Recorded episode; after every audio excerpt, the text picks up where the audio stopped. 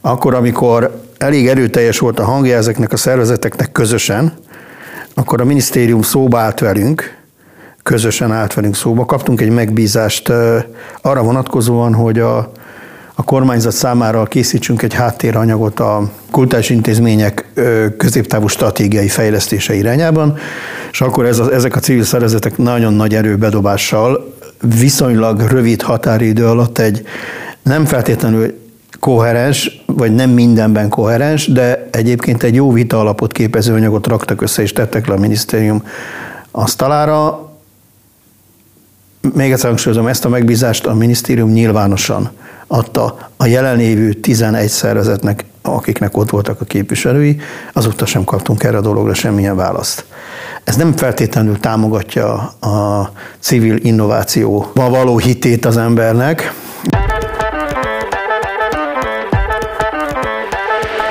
2023-ban szeptember 22-e és 24-e között rendezik meg a Kultúrházak éjjel-nappal programsorozatot. A BMK Podcast vendége Bordás István főszervező, a Magyar Népművelők Egyesületének elnöke. Én Fehér Tamás vagyok. Minden nap értéket adunk. Ez az idei elmondata a Kultúrházak éjjel-nappal sorozatnak. Mit akar ez, és mit fogunk látni szeptember 22-től? Hát ez nem, nem csak az idei Kultázak ilyen nappal rendezvénysorozatnak a motója, hanem most már évek óta ezt használjuk. Korábban minden évben kitaláltunk valamit, aztán utána ez valahogy három vagy négy évvel ezelőtt annyira ütött és annyira bejött, hogy, hogy úgy döntöttünk, hogy maradunk, és ez jól kifejezi azt, hogy, hogy a közönödési intézmények a hálózata az alapvetően egy értékorientált szervezet, egy értékorientált hálózat, és a mondat vagy a szókapcsolatnak a másik az a mindennap, pedig gyakorlatban is igaz, hiszen ezek az intézmények szinte minden nap nyitva vannak, és minden nap lehet látogatni őket. Ugye alapvetően minden kulturális termék vagy oktatási termék egyik legfontosabb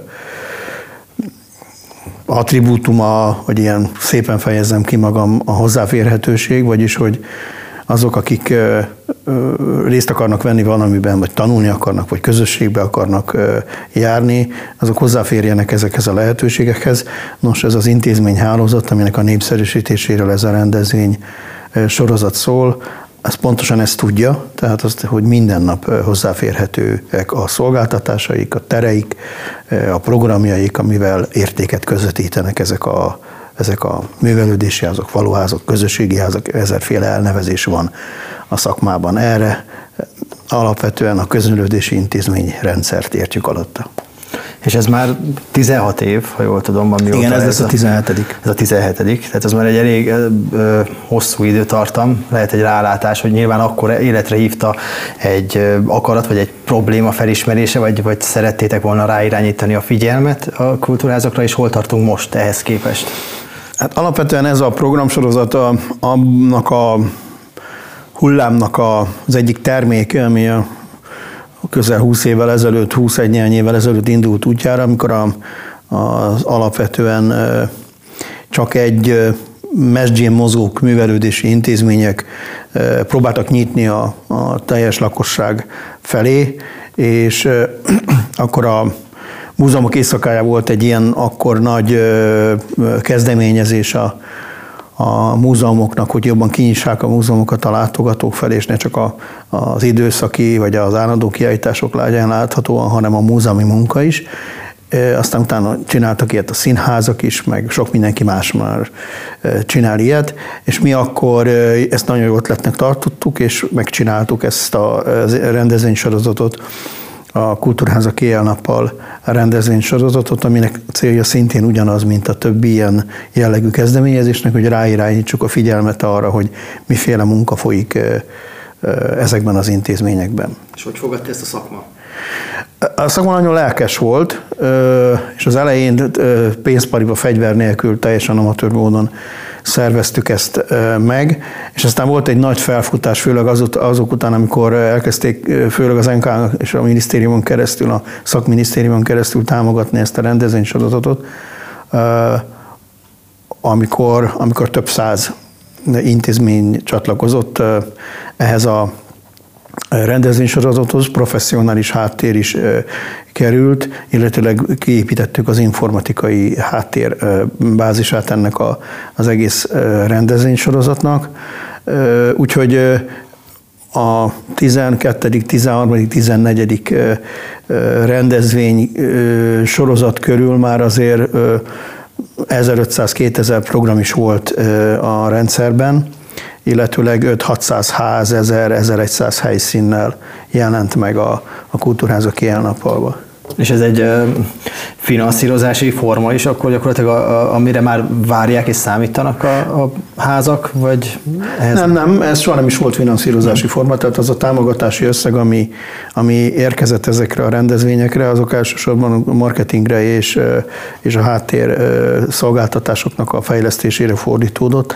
Mindenki a saját maga erejéből vesz részt a rendezvénysorozatba, kivéve a kiemelt rendezvények, hiszen jó néhány év óta úgynevezett kiemelt rendezvények vannak, amik kiemelten irányítjuk rá a sajtó, meg a, a közvélemény figyelmét ezekre a, rendezvényekre, ezekhez nyújtottunk támogatást, de a tényleges megvalósuláshoz képest még ezek az összegek sem voltak túlságosan nagyok. Itt igazából a nagy ereje ennek a rendezvénynek pontosan az volt, és reméljük, hogy a későbbiekben is ez lesz, hogy a intézmények maguk azok, akik saját erőből, saját szándékból akarnak csatlakozni egy közösséghez, ahhoz a közösséghez, amit a közönödési intézmény hálózat képvisel. Most ha megnézzük a statisztikákat, akkor akkor az az arány, akik becsatlakoznak ebbe a rendezvénysorozatba, egyáltalán nem mondható rossznak. Pont a statisztikákat megnéztem, a, arra szerettem volna utalni, megnéztem a tavalyi év záró sajtó anyagát, ahol ott is nagyon szép számok szerepelnek, hogy több mint 150 szervezet, közel 300 helyszínen, mint egy ezer programmal, megközelítőleg 80 ezer ember, és hogyha azt hiszem a 2019-es zárót néztem, ahol ott 400 helyszín szerepelt, a 300-zal szemben ott mondjuk 1100 program, és ott meg közel 160 ezer ember a 80 ezer is nyilván, és a mostani is egy szép szám, de azért egy számottevő különbség látható. Ez vajon mi okozza, vagy mi lehet? Hát minden, minden, szervezésnek, szervezetnek vannak felívelő része, és vannak olyan, van olyan, amikor már a, a az addig használt módszerek nem annyira hatékonyak. Egyrészt ö, csökkentek a források, illetőleg a, rettenetes média zajban egyszerűen az az összeg, amit el tudtunk teremteni ehhez, ö, nagyságrendekkel kevesebb volt annál, mint ami át tudná ütni az inger küszöböt.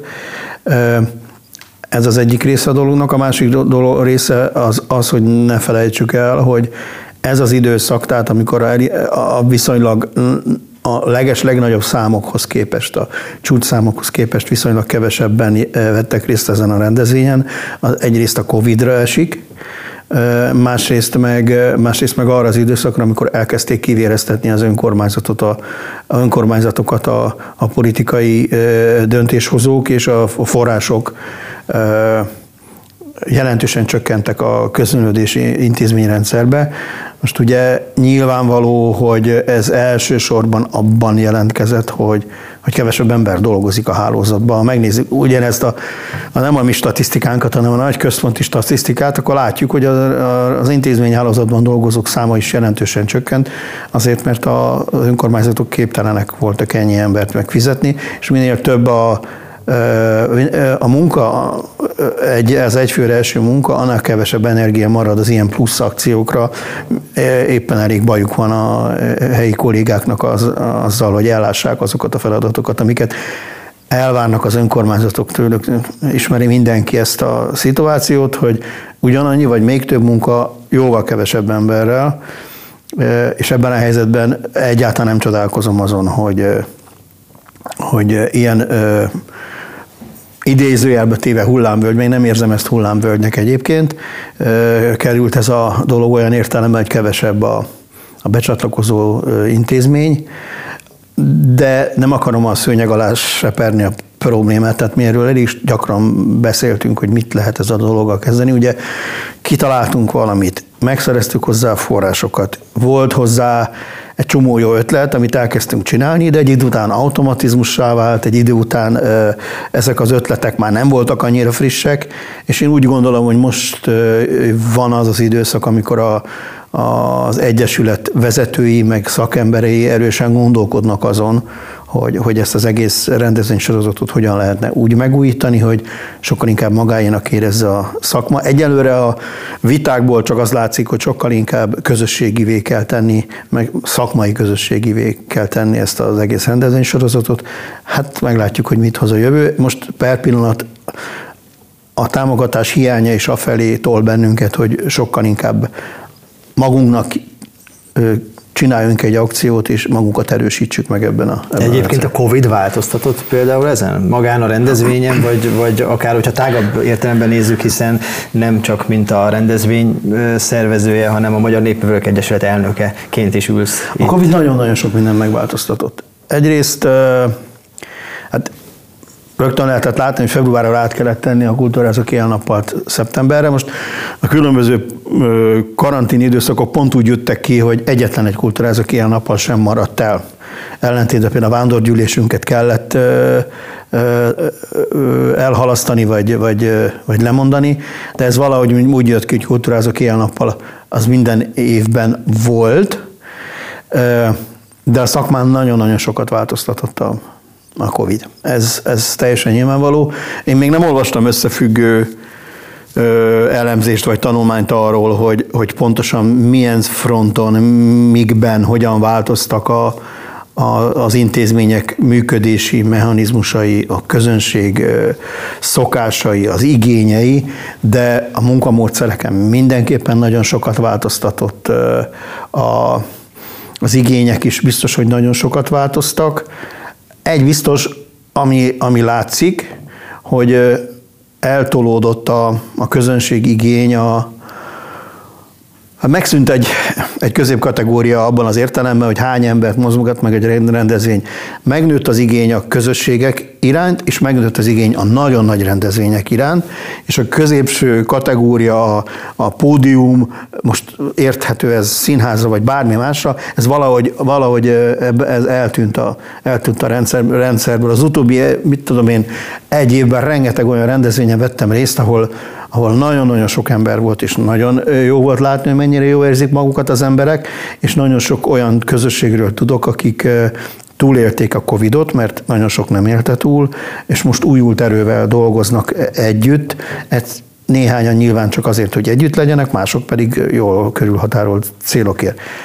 Ami még nagyon fontos ebben az egész történetben, hogy az intézményi finanszírozások tekintetében a Covid egyértelműen a közösségek a vesztesei, mert kevesebb lett a pénz, és azt a kevesebb pénzt inkább a nagy tömegeket a megmozgató rendezvényekre tolják az önkormányzatok, egyszerűen nagyon jól körülhatárolható helyi politikai célok mentén is akár. Most ebben semmi jó vagy rossz nincsen, csak az látszik, hogy valahogy egy falunapra, egy városnapra, egy fesztiválra, borfesztiválra, stb. stb mindig akad pénz, de amikor néhány tíz vagy néhány százezer forintról megy a vita az önkormányzatban a, tekintetben, hogy meg tudunk-e finanszírozni egy himzőkör kiállítását a 80 kilométerre lévő városban, ahová meghívták őket, akkor egy kicsit furcsán érzi néha magát az ember, hogyha mondjuk egy 5 milliós koncertprodukció, meg egyáltalán nincsen vita. Manénak van-e akár a finanszírozásra, vagy az átalakításra, vagy hogyan tudna ez a, a Mané szemszögából, a szakmai szemszögből nézve jobban működni, arra vannak javaslatai és ötletei? Hát javaslatok és ötletek vannak, az más kérdés, hogy meghallgatják -e őket. Az utóbbi években azért viszonylag mondhatni, és akkor nagyon finoman fogalmaztam, kevéssé kíváncsiak a szakmai szervezetek véleményére a politikai döntéshozók ebben a tekintetben is. Most, hogy más nem mondjak, a, a közönödési, illetve a, mm, általában a kulturális szervezetek dolgozóinak a státuszváltozása, kikerültek a közalkalmati jogviszonyból, munka törvénykönyvesé váltak, törvényel kapcsolatosan senkit nem kérdeztek meg sehol, és a szakmai véleményezésre is volt egy nagy pénteken megérkezett felszólítás alapján mindösszesen négy napja az országos szakmai szervezeteknek. Tehát a locsolás helyett egy telefonálgatni próbálgattunk egymásnak akkor. Nem hinném, hogy ez kedvezne annak, hogy de természetesen nekünk van elképzelésünk bizonyos dolgokra. Ámbátor nem tagadható, hogy a civil szervezetek, és ez alól nem kivétel a MANE sem, politikai vonalon defenzívában vannak. Ezzel, ezzel azért, ezt azért kell kimondani, mert alapvetően nem is a szervezetek tehetnek róla, hanem maga a politikai közéletnek a, a mechanizmusai, ha jelentsen ez bármit jót vagy rosszat. A szervezet 16 évre visszautalva olyan ö, tanulmányokkal, gondolatokkal foglalkozik-e, hogy akár a programok népszerűségén, vagy ez a sok program által összerakott adatbázisból kiderülve, hogy milyen irányba kell elmozdulni a műfházaknak, vagy, vagy közművelési intézményeknek? Alapvetően a, a Magyar Népfőnök Egyesületének volt egy egy szakmai fejlesztési stratégiája, még az előző elnökség, tehát a négy évvel ezelőtti elnökség idején, azt többé-kevésbé végre is hajtottuk, ami elsősorban a szolgáltató egyesület irányába mozdult el. Sokan kérik rajtunk számon a, a, az érdekképviseletet, de, de arra ott van a szakszervezet. A szakmai érdekképviselet ez egy másik történet. Igazából az üzenetek megfogalmazódnak, az utolsó ilyen nagy akciónk a, a művelődési vagy kulturális országos szakmai civil szervezetek együttműködési fóruma volt. Ugye a lényeg a történetnek az volt, amikor a bérrendezés kérdései már feszítővé váltak, hogy a MANE kezdeményezésére az összes szakma, tehát a közönődési könyvtáros, múzeum, levéltáros szakma, országos szakmai civil létrehoztak egy fórumot, és közösen léptünk fel a, a szakminisztérium felé a tekintetben, hogy a bérügyekkel kapcsolatban e, tenni kell valamit. Hmm. Hát ennek a fórumnak a tevékenységét különböző módon értékelik a benne résztvevő szervezetek, ez 11 szervezet volt egyébként, de az nyilvánvalóvá vált, hogy akkor, amikor elég erőteljes volt a hangja ezeknek a szervezeteknek közösen, akkor a minisztérium szóba állt velünk, közösen állt velünk szóba. Kaptunk egy megbízást arra vonatkozóan, hogy a, a kormányzat számára készítsünk egy háttéranyagot a, a mm, kultúrás intézmények középtávú stratégiai fejlesztése irányában, és akkor ez a, ezek a civil szervezetek nagyon nagy erőbedobással viszonylag rövid határidő alatt egy nem feltétlenül koherens, vagy nem mindenben koherens, de egyébként egy jó vita alapot képező anyagot raktak össze és tettek le a minisztérium asztalára. Még egyszer hangsúlyozom, ezt a megbízást a minisztérium nyilvánosan adta a jelenlévő 11 szervezetnek, akiknek ott voltak a képviselői, azóta sem kaptunk erre a dologra semmilyen választ. Ez nem feltétlenül támogatja a civil innováció való hitét az embernek. Visszatérve a manéra, mi alapvetően úgy döntöttünk most már öt évvel ezelőtt, vagy négy és fél évvel ezelőtt, hogy a Szolgáltató Egyesület irányába lépünk el, és egy csomó olyan fejlesztést hajtottunk végre, ami kimondottan az irányba mutat, hogy független, és a szakma számára fontos kérdésekben próbálunk segíteni a szakmának. Ilyen volt például a, éppen a KET munkatörvénykönyv átállás kapcsán a szakmai fórumok, ami rendkívül sikeres volt. Aztán több más témában is szerveztünk szakmai fórumot. A Covid idején olyan ö, ö, online fórumokat szerveztünk, amik kimondottan az aktuális ö, szakmai kérdésekkel kapcsolatban ö, nyilvánult meg. Ö, létrehoztunk egy portált, ami a hogy érthető legyen. Korábban minden a KIT alá tartozó munka lehetőséget meg kellett hirdetni a, a közigállásom. Ugye miután kiestek a, az intézmények a KIT hatája alól, ebből következően nem volt fórum, ahová közé lehet, lehet tenni a, lehet tenni az állás lehetőségeket. Mi, mi saját erőből fejlesztettünk egy úgynevezett közműv állás nevű állás közvetítő portált, ami nagyon érdekes, a kezdet-kezdetén nagyon nehezen és nagyon nyögvenyerősen indult be, most az utóbbi fél évben, háromnyed évben elkezdett rettenetesen pörögni. Tehát látszik, hogy, hogy itt valami megmozdult. Létrehoztuk a közönődési arcképcsarnokot, ami kimondottan egy ilyen archiváló funkciót tölt be, közvetlen fórumokat is működtettünk, tehát fel lehetett hívni embert, vagy üzenni lehetett embernek bizonyos problémák megoldásában. Tehát inkább befelé mozdult el az, az Egyesület. Most ezeket a célokat, amiket mi akkor megfogalmaztunk, ezt megcsináltuk, és most, amikor felállt az új elnökség ez év ö, ö, tavaszán, akkor így nagyjából értékeltük ezeket a, ezeket a kezdeményezéseket, és most zajlik a, a mostani új elnökség dolgozik a következő elnökségi időszak stratégiai tervein, hogy merre mozduljon el a, a MANE, nem lesz egyszerű azért, mert maga az elnökség teljesen, teljesen egységes ebben az ügyben. Sokan továbbra is a harcos érdekképviselet irányába szeretnének mozdulni, mások pedig, mások pedig inkább ezt a szolgáltató egyesület funkciót próbálják erősíteni, de ez egy demokratikus szervezet, majd valamikor ki fog alakulni, hamarosan ki fog alakulni a közös nevező ebben a kérdésben.